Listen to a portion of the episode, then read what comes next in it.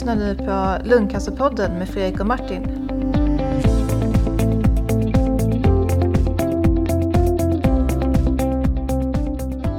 Hej och välkomna till Lungcancerpodden. Ja, ny vecka och ny lungcancerpodd som jag brukar säga. Nu har det varit lite sen, sen eh, ett litet tag sedan förra podden. Men eh, ja, nu är vi här igen och kör igen. Eller hur Martin? Absolut. Ja. Hej. Hej, hur är läget med dig? Jo men tack, det är ganska bra. Ja, Kul! Det är vår, det är vår. ännu mera vår än förra gången. Ja, det är helt otroligt. Alltså, mm. vi, vi kommer precis hem från Venedig och har varit här i början av veckan ett par dagar. Och det har varit så himla härligt. Det var verkligen vår i luften där nere också. Vilken mysig stad. Alltså, jag kan rekommendera alla som inte har varit där och bara åka ner. Det är ju så enkelt också. Det tar bara ett par timmar så är man. Okay. Otroligt mysig stad. Schysst. Och där var det riktig vår kan jag tänka mig, typ blommande träd och sånt? Eller? Ja, det var det verkligen. Det var ja, ja, riktigt, riktigt härligt. Eh, och vilken stad. Vi har med oss en gäst idag. Eh, Mikael Boman från Försäkringskassan. Tjena Mikael! Hallå, hallå! Hej! Eh, allt bra med dig? Allt är bra med mig. Eh, fredag eftermiddag just nu och eh, har haft eh, en bra vecka får jag säga på jobbet. Ja, vad härligt. Ja, det är nästan så att man kan, eh, när man tittar ut, i alla fall här nere, jag sitter nere i Lund, man tittar utanför fönstret, då har påskliljorna kommit och allt sånt där. Man, det är nästan att man släpar fram grillen från vinden. Don't get me started, säger jag bara. Det är, då, det är då det känns som att man bor i ett väldigt avlångt land. Jag jobbar visserligen i Stockholm men är boende i Umeå där jag sitter idag. Man brukar vara eh, hemma i Umeå på fredagar och här är det ett rejält snötäcke. Okej, okej. Ja, men det är härligt också på sitt sätt. Ja då. Eh, ja, Mikael, du, eh, du jobbar på Försäkringskassan med sjukförsäkringen bland annat.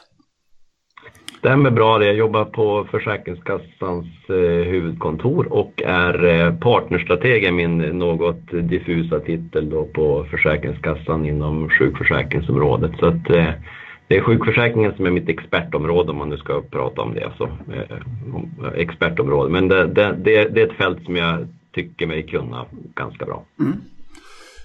Hur, hur, är det då om vi ska gå rakt på, på pudens kärna eller sådär. När man får en, en, en eh, tråkig diagnos eller en cancerdiagnos som är livsförändrande på många sätt så, så sjukskrivs man ju ofta av eh, en läkare som, som dig då Martin, en, en lungläkare. Att man, eh, mm. hur, hur, länge gäller eh, det här, själva, det här pappret då som, som sjukskrivningen är? Och, och vem, vem är det som ska skicka in den till Försäkringskassan för att få igång den här apparaten? Och hur ofta eh, behöver det här intyget då förnyas till exempel? Eh, det där är en väldigt bra fråga som det inte finns jättemycket så superprecisa svar på. Men, men i grund och botten är det ju så att alltså, i alla våra ärenden eller våra, och de sjukskrivningar som, som är så är ju just läkarintyget ett väldigt viktigt underlag för att ta ställning till rätten till ersättning och även för att eh, i samband med att vi ska utreda behov av rehabiliteringsinsatser. Och det håller på att vara så nu i dagsläget att de flesta landsting faktiskt utfärdar elektroniska intyg eh, och då kan man ju faktiskt eh, själv då som privatperson bifoga sitt intyg med sin ansökan. För förutom, förutom läkarintyget så ska man ju också göra anspråk på för vilken period man söker ersättning då när man ansöker. Det kan man göra nu, nu idag på Försäkringskassans hemsida via Mina sidor och då då går det snabbare. Annars så hamnar man ju i det att man får posta intyget. Eh, sen finns det en teknisk möjlighet också att eh, be läkaren att skicka intyget eh, elektroniskt direkt till oss på Försäkringskassan då. Men, men eh, huvudprincipen är att man, man själv är den som hanterar de underlag som man vill, göra, vill använda sig av då för att göra anspråk på ersättning helt enkelt. Eh, sen ställde du ju lite klurigare frågor då. Om, om man lyssnar väl så hörde man att jag, jag började inte med dem. Men det, det är lite grann det med hur, hur, hur, hur off, alltså för hur lång tid kan man då sjukskriva och så vidare. Så finns det egentligen ingenting som säger att det finns någon begränsning i det överhuvudtaget. Det är ju så att eh, nu för tiden sen i fjol så togs ju bort den här bortre tidsgränsen i, i sjukförsäkringen och Eh, Eh, det finns inget så uttalat sagt att ett läkarintyg bara måste vara för en viss tidsperiod. Då. Eh, men, men eh, så att det finns ju det finns ganska mycket variationer på hur länge man sjukskriver och det är klart det där beror ju på vad är det för diagnos det handlar om och, och hur, vad, hur ser prognosen ut på det, det tillstånd då som man har? För hur lång tid påverkas man på det här sättet av den här sjukdomen? Eh, som är det som, som, eh, är det som vi då bedömer och värderar på Försäkringskassan när vi ska handlägga eh, ersättningsanspråket. Mm. Okej, okay, så att, eh, okay, läkaren skriver ett läkarintyg och sen så eh, då tar man det läkarintyget om, man, om det skickas in elektroniskt eller man får det på papper och sen så skickar man alltså in en anmälan eller ansökan till Försäkringskassan. Ehm, och, och det här gör man alltså själv? Så att det är inget som... Ja, man kan göra det själv då via, göra det själv då elektroniskt via vår hemsida och min sida där. Men det är ungefär som, det är ungefär som när man vabbar, typ? Eller? Ja, lite grann så.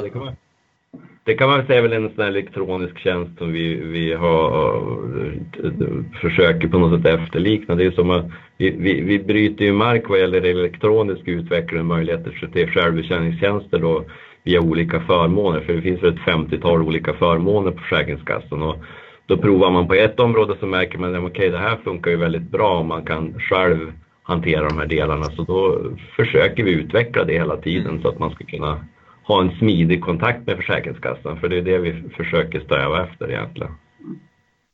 Hur, hur mycket, vi har fått en lyssnarfråga, hur mycket eh, mentala påfrestningar eh, som drabbar en cancersjuk, hur mycket de vägs in av Försäkringskassan i den här bedömningen och hur det påverkar sjukskrivningen. Man kan ju till exempel få en cancerdiagnos men sen må, må rätt bra kroppsligen men vara liksom eh, eh, Eh, ja, det, är ett, det är ett tungt besked att få och veta att eh, ja, det, det, det, är cancer helt enkelt. Och hur mycket väger, hur mycket väger de mentala påfrestningarna in? Även om, om man skulle bedömas då som liksom eh, arbetsför eller rent kroppsligt. Alltså det där är ju, om man säger så här att när, vi, när man bedömer, eh, tittar på sjukskrivningen från, från vårat håll då, så är det ju så att vi, vi utgår alltid från diagnosen och vad har den här diagnosen för konsekvenser på den här personen. Alltså det är en ganska personlig bedömning för olika personer påverkas ju olika av, av samma sjukdom eller hur man ska uttrycka det då. Och då är det ju sen då beskrivningen i läkarintyget som gäller både om det då har uh, mentala, psykiska konsekvenser, om det har fysiska konsekvenser så, så är det inte så att man kan säga att jo, men det ena är viktigare än det andra. Däremot så kan ju vi se att Eh, det är, verkar vara svårare att beskriva konsekvenserna av de psykiska delarna jämfört med, med fysisk påverkan på kroppen. Det, det, är mer handfast och uttalat. Ja, men om jag får de här besvären i min, min axel, då är det de här momenten som inte jag klarar av att utföra.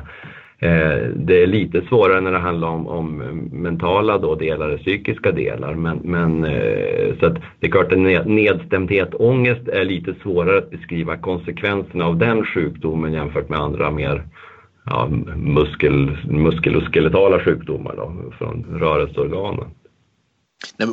Jag tänker utifrån den situationen då att man sitter och skriver de här intygen så det är extremt komplicerat många gånger.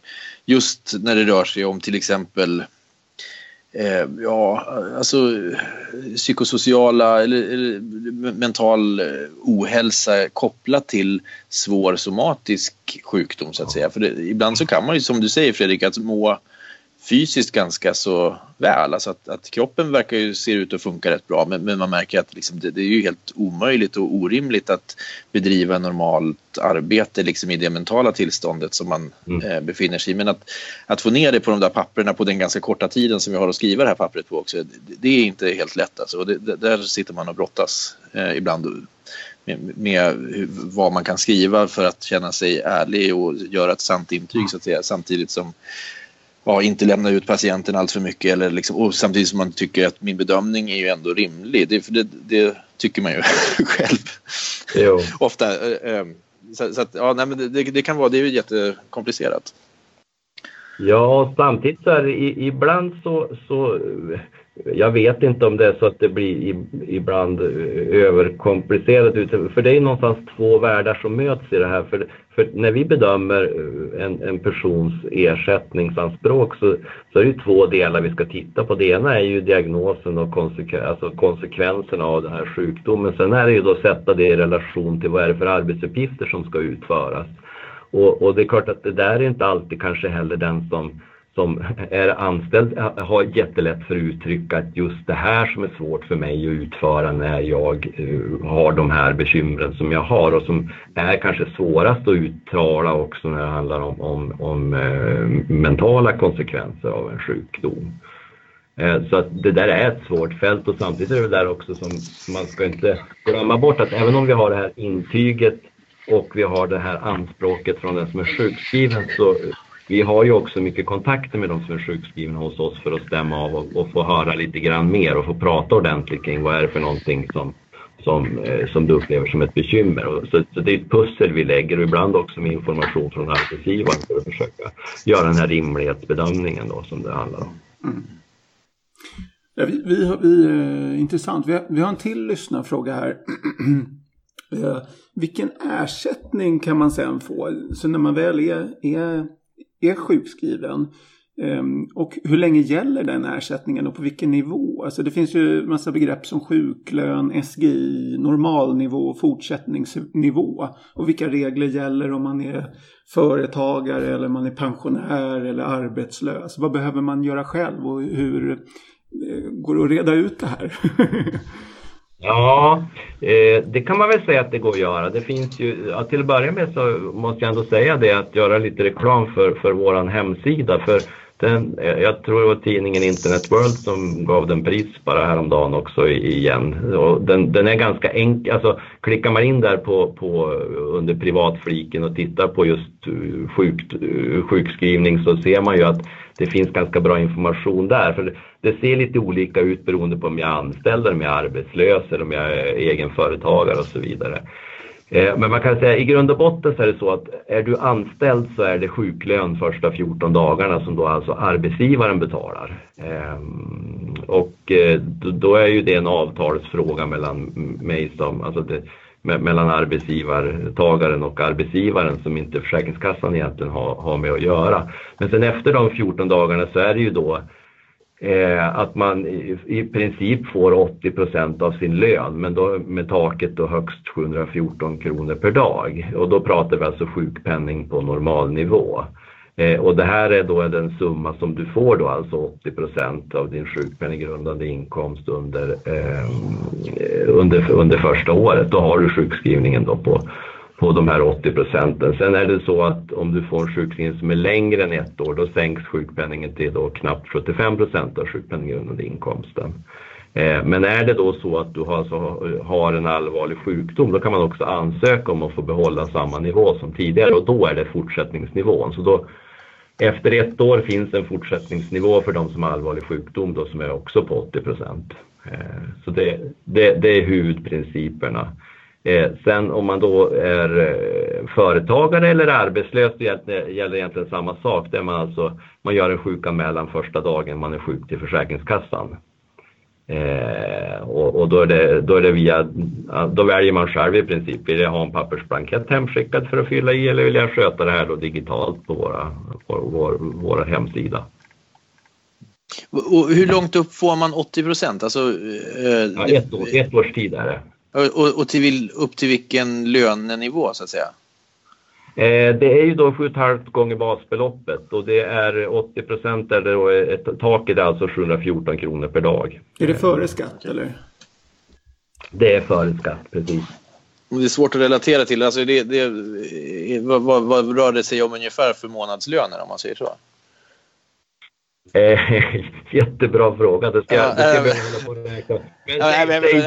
Jag har absolut ingen aning själv. Nu, men för, för jag tycker att man får en känsla av att många som, som har drabbats av sjukdom eller, eller eh, på annat sätt, alltså arbetslöshet eller vad som helst, att, att många blir chockade över att det här med 80 procent, det, det verkade inte riktigt, eller jag menar, man, det är definitivt inte 80 procent av den lönen som man kanske hade innan. Utan... Nej. Sen finns det ju kopplingar till att det beror på hur det ser ut med din anställning och vad det finns för avtal också. För på många ställen så får man ju också tillägg där på olika sätt och det är via olika försäkringar man kan ha via fack och Okej. annat. Men, men, men det är ju riktigt att den, eh, om vi säger att vi tidigare hade 80 procent också ersättning eh, ett antal år tillbaka i tiden så har ju den här summan som man får ut jämfört med lön urholkats. Och det är klart att den har urholkats ännu mer av, av det jobbskatteavdrag som man ju bara har som, som på lönetjänster och inte får för till exempel sjukpenning. Så att. Eh, man, man, man får ju mindre pengar i börsen helt klart. Eh, och det är klart att det finns jättemånga och allt fler som tjänar mer än det här taket som man kan få sjukpenning. Eh, så är det ju. Men, eh, så först när man blir sjuk i alla fall då görs en, en, eh, en, en analys eller man ska säga där det bestäms ens SGI, alltså sjukpenningsgrundande inkomst. Ja, precis. Alltså sjukpenninggrundande inkomsten är ju din förväntade inkomst. Vad skulle jag... Man har ju sagt att vi, vi har byggt upp sjukförsäkringen i Sverige på inkomstbortfallsprincipen, det vill säga den inkomst som jag skulle ha haft om jag inte hade varit sjuk. Det är det, det som blir min sjukpenninggrundande inkomst. Eh, sen finns det här taket för det och som är att det är 80 procent. Så att, det är väl, om man nu skulle prata försäkringsspråk, så är väl en del av, av, av den självrisk man har kopplat till just sjukförsäkringen. Då. Just det. Men det är i princip eh, alltså vad, vad man tjänade förra året så tar man det och så använder man det som underlag. Nej, det är det du beräknas tjäna. Det är i princip blir din lön. Om du, om du skulle bli sjukskriven idag så anmäler du in och vill ha sjukpenning. Då berättar du vad du, vad du kommer att ha för lön helt enkelt. Okej. Eh, Så det är din förväntade inkomst som är din sjukpenninggrundande inkomst. Om man är arbetslös där, vad, vad, då har man ju ingen förväntad lön. Är det någon sorts minimibelopp då som... Nej, då är det den, det, du kan ju som arbetslös ha, ha jobbat som det du då jobbade senast som, som är din sjukpenninggrundande inkomst då, vad du skulle ha haft för lön där. Så att det är ju fortfarande skulle sättas i relation till någon typ av yrke. Okej. Ehm, kan- Jag tänker på så studenter och så till exempel som, som eh, inte har jobbat eller kanske liksom haft något ströjobb eller något sånt där som, som inte har direkt... Eh, vad, hur räknar man då? Om man är ung Eh, liksom.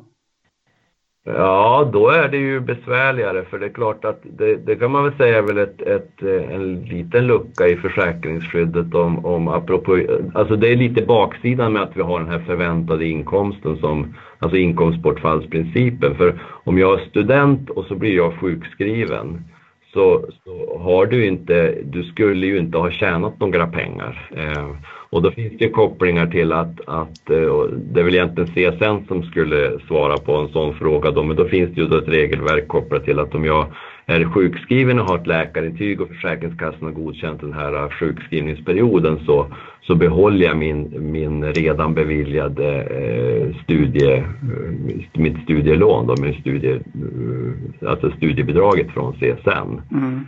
Eh, och, och det finns också, eller har funnits i alla fall möjligheter också kopplat till det att, ja, men, eh, att man inte behöver återbetala då den del för, som man har lånat för när man då istället har varit sjuk. Men har du då sökt studielån för en termin och så sen slutar den terminen då får du ingenting från CSN längre. Och så sen så, ja du har kanske inte jobbat heller eller bara jobbat pytte, pyttelite så att du knappt har någonting som skulle kunna vara en sjukpenninggrundande inkomst. Ja, då, har du, då får du ju inte ut någon ersättning i, då, då har du ju ingen ersättning från Försäkringskassan. Då blir det ju andra möjliga ersättningar från kommunen som försörjningsstöd och så som skulle kunna komma i fråga. Ja, just det, det som kallades för socialbidrag tidigare eller? Ja, precis. Och det här är väl en sån grej som är lite kopplat till, för det är ungefärligen samma regelverk kopplat till föräldrapenning. Du hamnar i lite grann samma läge. Om du studerar och blir gravid och så ska man räkna ut vad, vad är den föräldrapenninggrundande inkomsten så är det i princip samma, samma grundtänk som gäller för ersättningsdelen. Men, men med den skillnaden att där har du ett garantibelopp som du kan få som lägst som inte finns då på samma sätt vad gäller sjukpenningen. Just det. Just det, och det är där man kan hålla på och tänka att man kan behålla sin SGI på något sätt när man pluggar eller någonting i den stilen om man har arbetat förut. Visst finns det sådana regler? Eller? Ja, ja det finns det också. Så att Ja. det där är... Jag, jag tycker, en snårskog. Ja, men den, det är oerhört komplicerat och vi har ju speciella handläggare som bara jobbar med sjukpenninggrundande inkomst när det kommer till de här mer komplicerade bedömningarna. För att det, det, det, finns ett svart bälte som man ska ha för att kunna eh, redogöra för det här i alla lägen och det, det svarta bältet har tyvärr inte jag. Utan det, men men det, finns en bra grej på vår hemsida som heter Ersättningskollen och där kan man enkelt räkna ut vad skulle jag få i sjukpenning och sjuklön om jag skulle bli sjukskriven till exempel. Okay. Eh, så det, det där är inte så dumt att hålla koll på faktiskt. Jag, jag, hittade förresten det här med, med 2017 är prisbasbeloppet 44 800 kronor och den högsta sjukpenningsgrundande inkomsten blir då 3, 336 000 kronor. Mm. Eh, och det motsvarar då knappt 30 000 i månaden antar jag, eller? Mm. Något sånt. Ja, du, du får göra uträkningen. Ja, jag, jag, jag, står för uträkningen. Det är ingen officiell, eh, officiell uträkning på något sätt. Jag är ja. bedrövlig på matematik. Ja. ja då, då, är vi två. Det är därför vi har bra datasystem för att räkna ut det här också. Precis. Ja. Ja, precis. Som matteläraren som sa att man aldrig skulle ha en miniräknare med sig hela, hela tiden. Och så nu har man den här, liksom en telefon som kan göra allt. ja, det är så. Vad bra. Eh, vi har en till lyssnarfråga. Vad, vad, gäller, eh, vad gäller om man är den som står bredvid, alltså den som inte är sjuk eller om man är barn till någon eller om man är mm. fru eller, eh, eller man eller sådär. Eh, då finns det ju något som heter närståendepenning vad jag förstår. Kan den till exempel användas för att följa med på läkarbesök eller sådär för att stödja eh, den sjuka? Det är nämligen någon lyssnare som har fått eh, har fått avslag, eller hennes närstående fick avslag på det där och undrar eh, hur sjuk liksom, man måste vara egentligen för att en anhörig då ska kunna följa med på så här läkarbesök och sånt. Vad, vad, finns det, vad finns det för de anhöriga helt enkelt?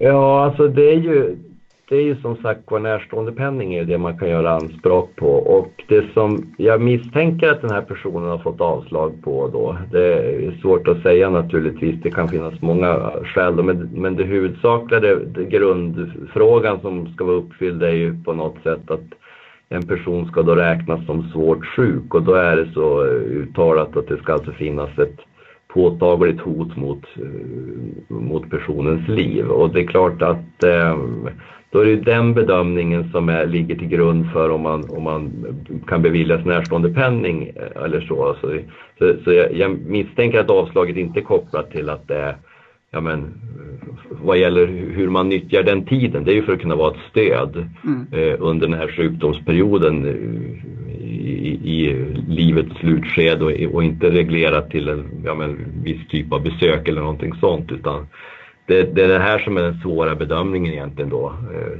som ju naturligtvis görs utifrån läkarunderlag också, alltså just det påtagliga hotet mot, mot liv eh, som är, är, är svår. Det. Men det är den närstående som ansöker om det då, precis som man ansöker om sjukpenning eller så, att eh, den dagen skulle jag vilja följa med min mamma till läkaren för att ja, hon har cancer och det är liksom, ja, jag behöver vara med och stö få stöd för henne.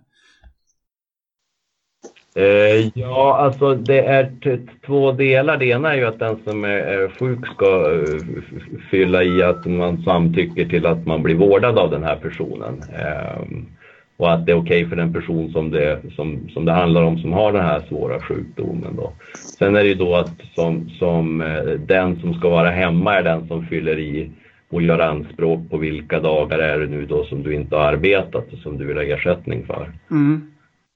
Eh, så, så att eh, det är jag som vill ha ersättning som begär medel medan det ska då samtyckas av den som är sjuk. Okej. Okay. Ja, men det, men det är bra att veta att det finns den här närstående penningen i alla fall. Så kan man ju ta kontakt med en handläggare på Försäkringskassan och liksom eh, få igång den snurran om man, om man vill det antar jag. Ja, precis. Och, och, det är väl det som är eh, oftast och just det här att få...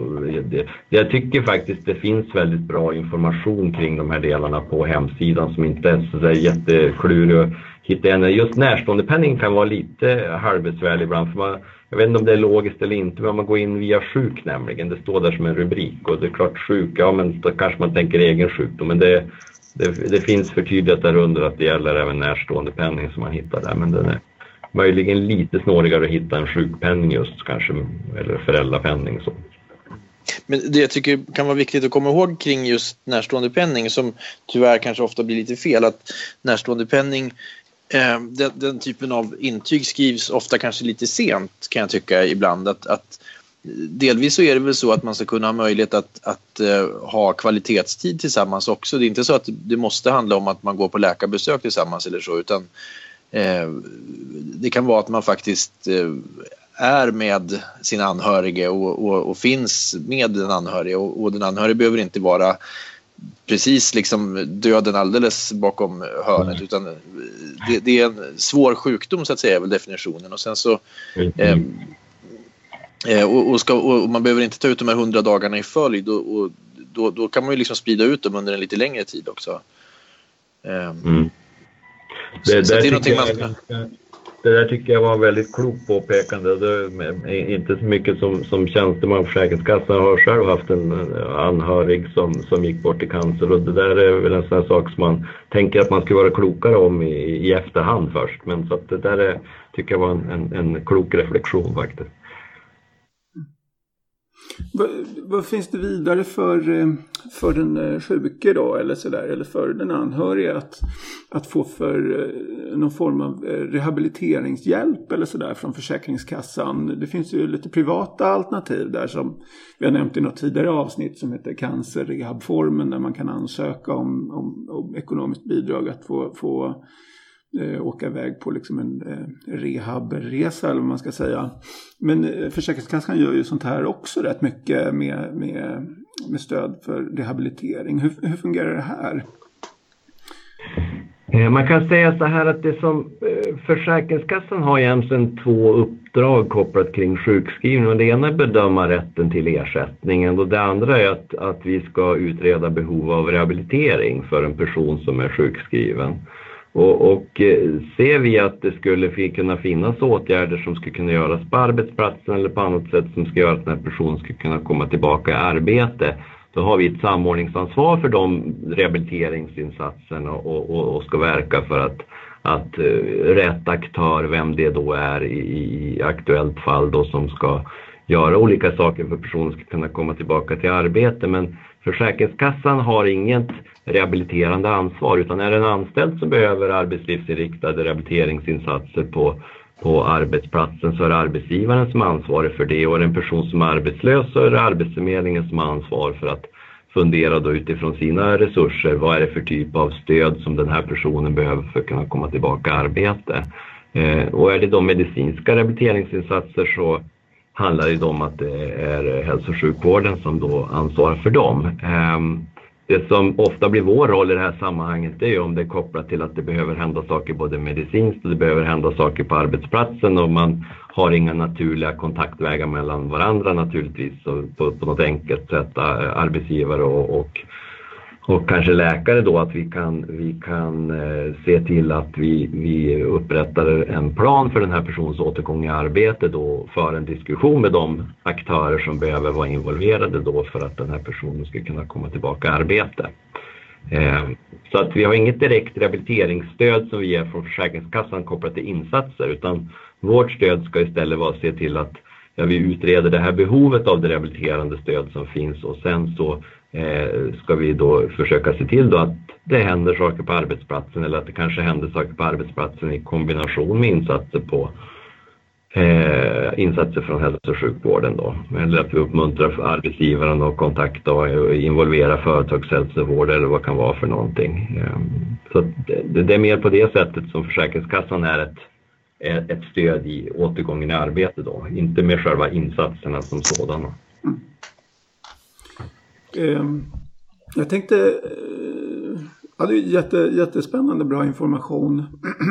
Eh, jag tänkte på det här kring, liksom, det är så många som handlägger, hur många är det på Försäkringskassan som handlägger sjukförsäkringen? Och, och, för det är ert största alltså, uppdrag att hålla på med, med just eh, alltså reda ut vad folk har rätt till för ersättning. Det är klart, det finns ju mycket, många olika saker som ni gör med barnbidrag och vab och hela.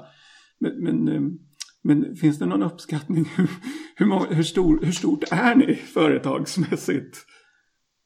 Eh, vi är väl cirka 13 000 på Försäkringskassan totalt sett. Ja. Eh, och den största andelen anställda jobbar just inom sjukförsäkringen. Eh, och rent handläggarmässigt så rör det sig om cirka 3000 handläggare som jobbar i den delen. Det, sen beror det lite grann på hur man räknar. Det finns ju olika typer av, av kompetenser som, som behövs på olika sätt och vis kopplat till, till handläggning och sjukpenning och det finns vissa så specialförmåner som, som är, är specialiserade och så. Men, det grundkonceptet som vi har är att vi försöker ju hålla det så, eller vi, vi, vi håller det så att man, när man blir sjukskriven och gör anspråk på ersättning från Försäkringskassan så får man en personlig handläggare som är den som man har kontakt med under sin sjukskrivningsperiod. Mm. Eh, och som man ska kunna föra en dialog med och ställa frågor till att få se nu hur, hur funkar det nu om jag skulle vilja jobba eh, den här perioden och så sen så kanske om jag blir sämre i samband med Eh, cellgiftsbehandling eller någonting sånt, hur ska man kunna göra då och så vidare så att man får, får diskutera en lösning där tillsammans med den handläggare som faktiskt fattar beslutet. Ehm, för för den, den dialogen kan vara ganska viktig när det handlar om lite grann svårare avvägningar på vad som är rimligt och inte under en sjukskrivningsperiod. Mm.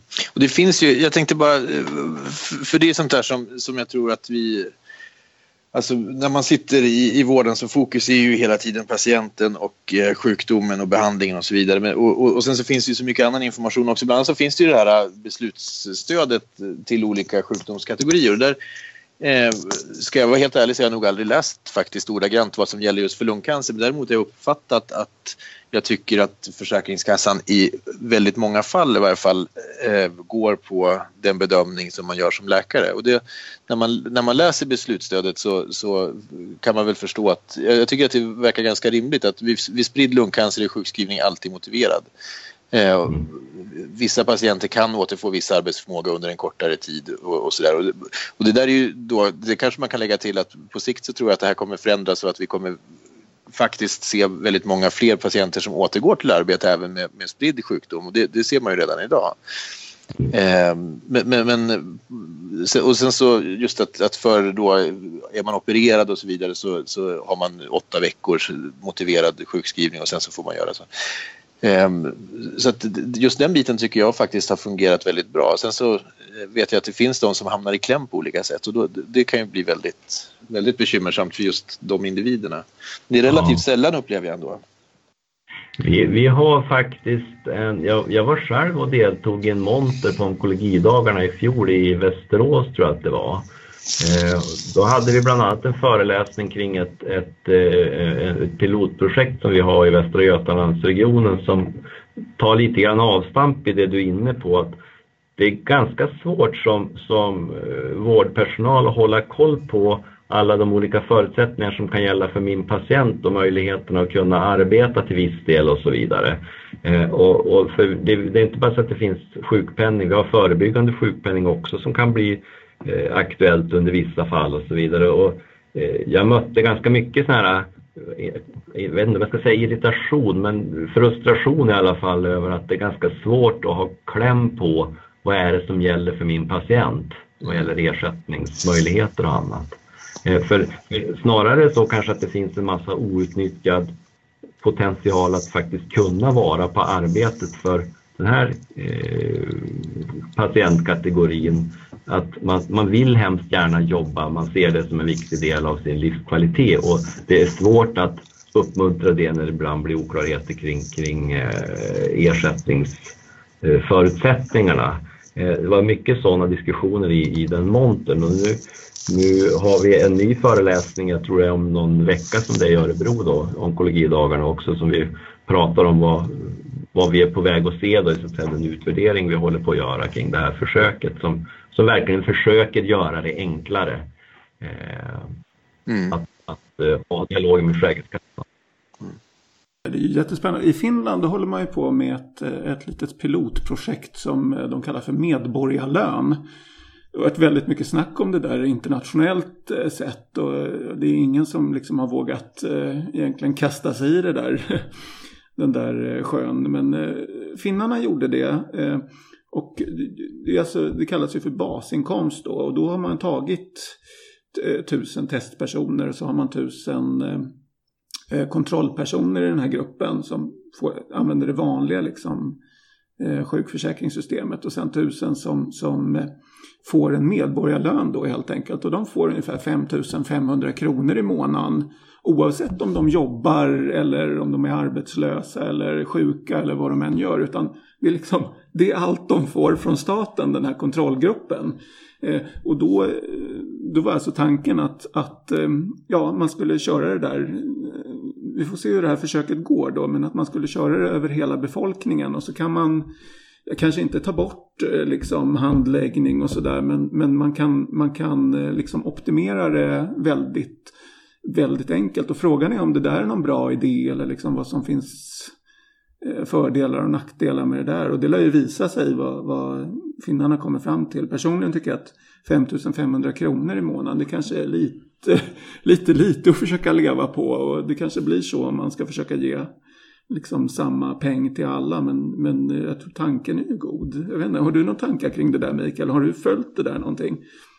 Ja, det där är väl egentligen en sån här, vad ska man säga, trygghetsadministrationstradition vad som gäller och det är ju som sagt var i Sverige har vi valt den här modellen med eh, en, en, en inkomstbortfallsförsäkring där det var, alltså du har ett försäkringsskydd som utgår ifrån vad du, just du skulle ha tjänat. Mm. Eh, det den ställer till det med ibland det är väl just det här med att det kan vara svårare att ha den här flexibla sjukskrivningen när, när orken att arbeta varierar väldigt mycket över tid. Det är klart att om man slapp hålla på då och, och eh, dividera kring sin egen administration av det här och bara har en ersättning som blir samma oberoende vad jag, hur jag agerar. Mm. Så den, är, den är enklare för mig som individ. Samtidigt så har du ju då en, ett rejält tapp i vissa fall då för vad gäller din ersättning. Mm. Ehm, så att det, det, är, det har ju både för och nackdelar. Mm. Mm. Men du, en, en, en, sak som jag brukar tänka på med, med mina patienter är så att om jag har sjukskrivit någon, säg tre månader på heltid på grund av att vi är på gång att sätta igång en behandling som kommer bli tuff och, och det, det, är liksom orimligt att räkna med att man ska kunna gå till jobbet egentligen. Men, men många har ju ändå, alltså, den sociala situationen på jobbet är viktig, många har ju ett jävla driv och, och liksom mycket av livet består ju av jobb och sådär och det är viktigt att försöka upprätthålla vardagen någonstans också. Finns det någon risk att man eh, liksom skjuter sig själv i foten genom att vara överambitiös som patient eh, och, och, och kanske försöker jobba halvtid under en period och, eller att man jobbar kanske till, till och med heltid när man känner sig pigg men sen så att man är borta någon dag. Liksom, kan det vara så att man blir av med hela sjukskrivningen då eller vad man säger? Förstår du jag menar? Hur pass flexibelt är det? Jag förstår vad du menar. Det, det som, man ska aldrig säga aldrig för allting kan alltid hända, höll jag på att säga mm. att jag har lärt mig. Men, men, men i grunden så ser ju inte vi det som någonting konstigt att, att en person som, som under sjukskrivningsperiod kan vara olika gott skick för att kunna arbeta och inte att det här varierar över tid. Och konsekvenserna av behandlingen är ju, är ju lika viktiga som konsekvenserna av sjukdomen. Alltså det, det skiljer vi inte på. Så på det viset ska det vara riskfritt. Samtidigt så finns det ju delar i det här som gör återigen att det är viktigt att jag har en diskussion med min handläggare. För att eh, min sjukskrivnings... Om jag arbetar till exempel eh, tre timmar eh, mm. så, så hamnar jag i det läget att ja, men då är ju min, då är ju min eh, alltså ersättningsnivåerna är ju skarpa gränser mellan mellan 2, 4, 6, 8 timmar om man säger att man jobbar 40 timmar normalt sett då. Eh, och, och går jag, håller jag mig inte till de här, om jag är väldigt flexibel i min ork om man säger så, så, så skänker jag ju bort ersättning eller tid eller något sånt. Alltså, du, du hamnar i någon sorts ekonomisk avvägning också som, som eh, jag tror är viktigt att ha en diskussion om vad, vad, är, vad är förutsättningarna för mig eh, under min sjukskrivningsperiod och vad blir konsekvenserna? Det kan i princip bli så att om man råkar jobba då tre timmar i snitt per dag under en månad så skulle det kunna vara så att man bara får vad blir det, 50 procents sjukersättning ja. fast, och sen så får man bara då betalt för tre timmar på jobbet så att man, ja, man missar då en, en del däremellan.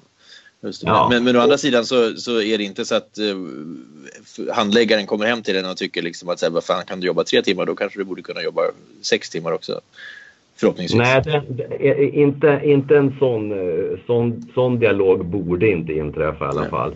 Med, med eh, viss reservation för att allting då kan hända. Men, men det borde inte inträffa en sån diskussion. Men däremot så tycker jag det viktiga här som är, som, det är ju att man har också den här dialogen med arbetsplatsen. För det, mm. det kan ju finnas, jag menar det är inte av, av någon högre makt givet att man man alltid ska få ersättning, lön exakt för det man gör på arbetsplatsen i tid. För det blir ju också så att det är fler och fler yrken där min arbetsgivare betalar för att ha tillgång till min hjärna och sen huruvida mycket tid jag lägger ner på olika saker exakt är inte riktigt lika intressant. Så, att, så det beror ju väldigt mycket på vad jag har för typ av arbete vad gäller mm. förutsättningarna att kunna arbeta mer eller mindre flexibelt också.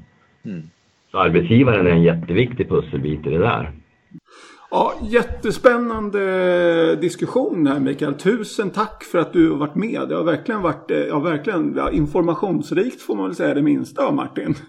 Absolut, och väldigt spännande som sagt. Det, och just när man pratar med någon som kan, för ofta så står man inför alla de här begreppen och eh, hemsidorna och allting och känner sig ganska maktlös. Men, mm. men det är fantastiskt att få raka, kloka svar så här. Det var snällt.